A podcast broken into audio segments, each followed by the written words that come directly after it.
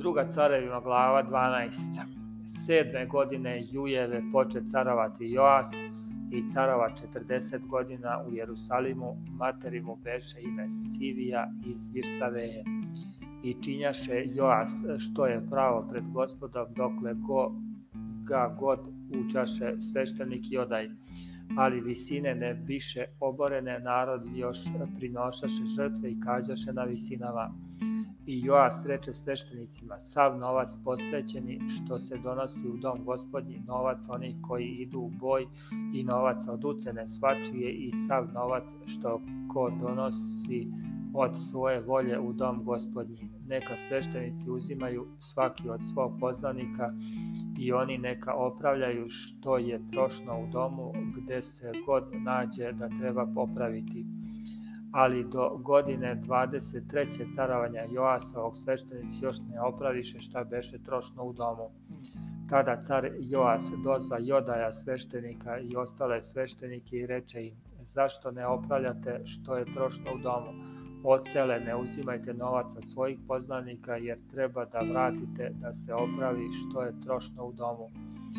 I sveštenici pristaše da ne uzimaju novac od naroda i da ne opravljaju oni što je trošno u domu, e, tada sveštenik Jodaj uze jedan kovčeg i proreza rupu na zaklopcu i metnu ga kod oltara s desne strane kako se ulazi u dom gospodnji i sveštenici koji čuvahu vrata metaše u nje sve novce koji se donošahu u dom gospodnji.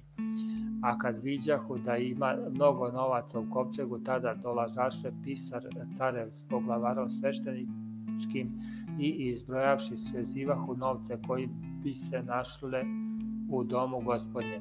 Potom davahu gotove novce onima koji upravljahu poslom i starahu se za dom gospodnji, a oni ih izdavahu drvodeljama i poslenicima koji opravljahu dom gospodnji i zidarima i kamenarima i da se dobavlja drvo i tesalo kamenje, da se opravi šta beše trošno u domu gospodnjem i da se dobavi sve što trebaše da se opravi dom. Ali novcima koji donašahu u dom gospodnji ne građahu čaša srebrnih za dom gospodnji, ni viljušaka, ni kotlića, ni truba, niti kakvih sudova zlatnih, ni srebrnih nego ih davahu onima koji behu nad poslom da se opravi za njih dom gospodnji i ne tražahu računa od ljudi kojima predavahu novce da izdaju poslanicima jer verno rađahu. Novci za prestup i novci za grehe ne donašahu se u dom gospodnji pripadahu sveštenicima. Tada izađe Azailo, car Sirski, udari na gat i uze ga. Potom se okrete Azailo da ide na Jerusalim. A Joas car Judin uze sve posvećene stvari što Josafat i Joram i Johozija, oci njegovi carevi Judini, behu posvetili i sve što sam beše posvetio i sve zlato što se nađe u riznicama doma gospodnjeg i doma carevog i posla Azailu caru Sirskom i tako otide od Jerusalima A ostala dela Joasova i sve što je činio, nije li to zapisano u dnevniku cariva Judinih?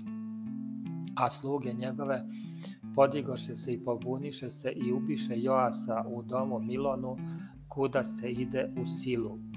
Joaz Zahar, sin Simeatov i Jozavad, sin Somirov, sluge njegove ubiše ga, te umre i pogreboše ga kod otaca njegovih u gradu Davidovom, a na njegovo mesto zacari se Amasija, sin njegov.